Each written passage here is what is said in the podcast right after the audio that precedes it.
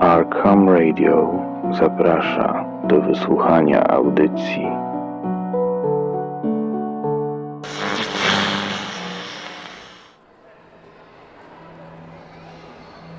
Drzwi z Sing Sing.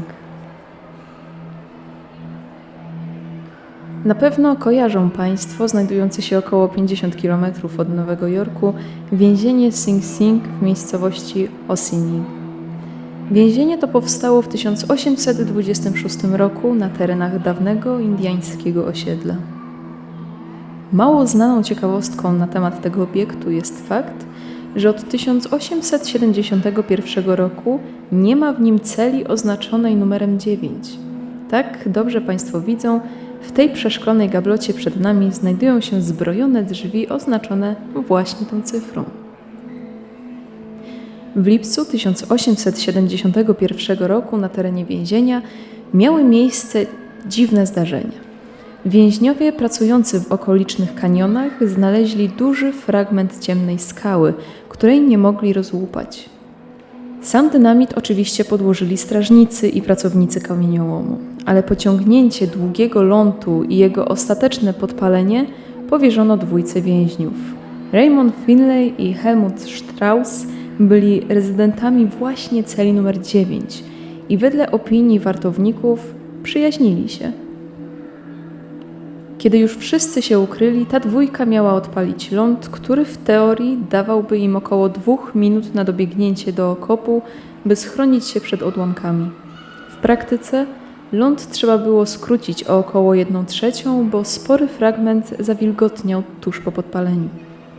Finlay i Strauss odpalili jednak ładunek i puścili się biegiem w stronę przeciwną niż okop.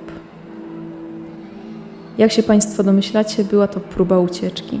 Strażnicy, nie chcąc ryzykować oberwania odłamkiem zdetonowanej skały, nie mogli od razu puścić się w pościg, a więźniowie pozbawieni kajdan, aby nic nie spowolniło ich ewakuacji, szybko zaczęli wspinać się na ścianę kanionu. Niestety ląd okazał się zbyt krótki, a ilość dynamitu, jakiego użyto, zbyt duża. Choć krążą też teorie, że wewnątrz skały mogła znajdować się kieszeń pełna jakiegoś naturalnego gazu. Wybuch był tak silny, że spowodował skalną lawinę na zboczu półtora kilometra dalej. Uciekinierzy jednak przeżyli ten wypadek, choć nie bez uszczerbku. Strauss miał głęboką ranę głowy po tym, jak eksplozja miotnęła nim ponad gruzowiskiem, a Finlay oberwał długim odłamkiem skalnym, który wbił mu się głęboko w prawe ramię, gruchocząc jednocześnie bark. Więźniowie trafili na miesiąc do szpitala, a kolejny miesiąc każdy z nich spędził w izolatce.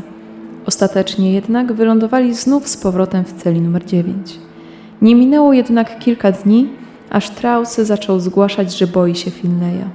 Podobno ten po nocy gadał w obcych językach i godzinami wręcz malował palcem w powietrzu skomplikowane wzory. Jadł raz na kilka dni, pozostałe posiłki pozostawiając szczurom, które jakimś sposobem dostawały się do celi, choć wcześniej były rzadkością w więzieniu ze względu na jego solidne fundamenty. Więzienny lekarz stwierdził, że izolatka i wypadek doprowadziły Finleya do szaleństwa. Nie był on jednak w żaden sposób szkodliwy, choć Strauss powtarzał, że jego współwięzień kilkakrotnie stał przez pół nocy obok pryczy i patrzył na drzwi szybko oddychając i napinając się dziwnie.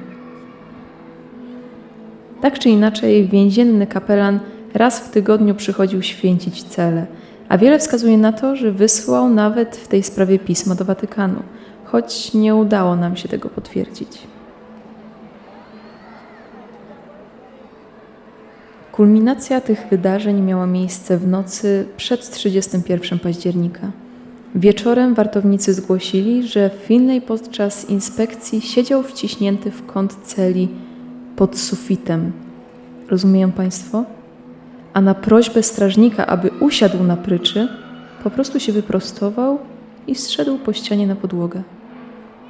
W nocy strażników wezwała wrzawa w tej części więzienia.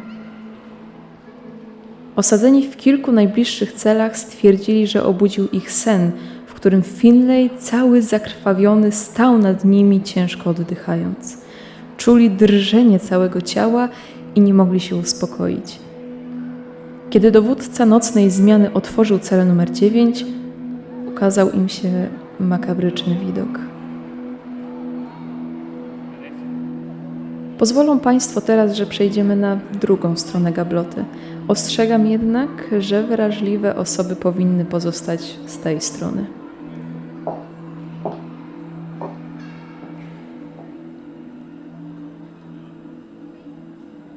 Jak Państwo widzą, wewnętrzna strona drzwi została pokryta dość drobnym pismem. Zarówno litery zapisane w tych trzech kolumnach, jak i spiralny symbol na dole zostały wyżłobione w drewnie złamaną kością udową Helmuta Straussa. Finlay następnie wypełnił zagłębienia krwią Denata, tak by tekst był bardziej czytelny. Nie wiadomo, ile czasu zajęła mu ta precyzyjna robota, jednak badanie koronera stwierdziło, że musiał on zabić współwięźnia tuż po wieczornym obchodzie. Zdążył w tym czasie skonsumować jego serce i wątrobę, a także z dwóch najdłuższych żeber spreparować dwa prymitywne noże, z którymi rzucił się z sufitu na strażnika, który jako pierwszy odważył się wejść do celi. Mężczyzna pomimo kłutej rany w boku przeżył tylko dlatego, że Finlay nie starał się go usilnie uśmiercić, ale złapawszy go w żelazny uścisk, próbował przycisnąć jego twarz do tego spiralnego wzoru na dole drzwi, który Państwo tutaj widzą. Wezwany później na miejsce egzorcysta stwierdził, że Finlay mógł starać się dopełnić jakiegoś rodzaju ofiary. Tak czy inaczej, dwóch innych strażników zachowało trzeźwość umysłu i sięgnęło po broń. Raymond Finlay dostał dwie kule w głowę i trzy w bok oraz miednicę. Uratowało to schwytanego strażnika, ale szalony więzień żył potem jeszcze przynajmniej przez pół godziny, szepcząc do siebie jakieś dziwne słowa, zanim ostatecznie oddał ducha. Przejdźmy do treści. Na drzwiach zapisano tekst w trzech kolumnach. Skrajna lewa jest po łacinie, choć wedle żadnych informacji nie można stwierdzić, aby Raymond Finlay znał ten język.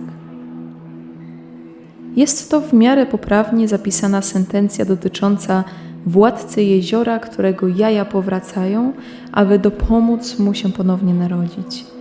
Tekst opiewał owego władcę jako płomienistego oraz króla umarłych.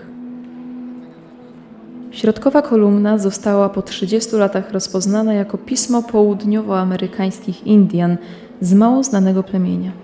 Mimo to nie jesteśmy w stanie stwierdzić, czy ten tekst pokrywa się dokładnie, gdyż ostatnia osoba posługująca się tym językiem zmarła w 1895 roku. Nasze domniemania, że jest to właśnie ten język, pochodzą z kilku nielicznych źródeł pisanych pozostawionych przez Indian. Niestety są one niekompletne i tylko częściowo przetłumaczone. Niemniej jednak udało się nam zidentyfikować kilka słów i zbitkę wyrazową, mówiącą również o jeziorze, więc jest trop, że ten tekst może się powtarzać. Trzecia kolumna zapisana jest znakami niepodobnymi do żadnego znanego nam pisma. Równie dobrze mogą to być bazgroły albo jakieś szyfry, jakim Finlay zapisał treść z dwóch poprzednich kolumn. Takie same znaki możecie Państwo zobaczyć w innej konfiguracji wokół spiralnego symbolu poniżej. Aktualnie zespół, który bada drzwi, stara się dostrzec jakiś klucz wśród tych symboli, by ewentualnie odczytać sentencję zapisaną wokół spirali. Potrzebują Państwo może chwili przerwy, zanim przejdziemy dalej?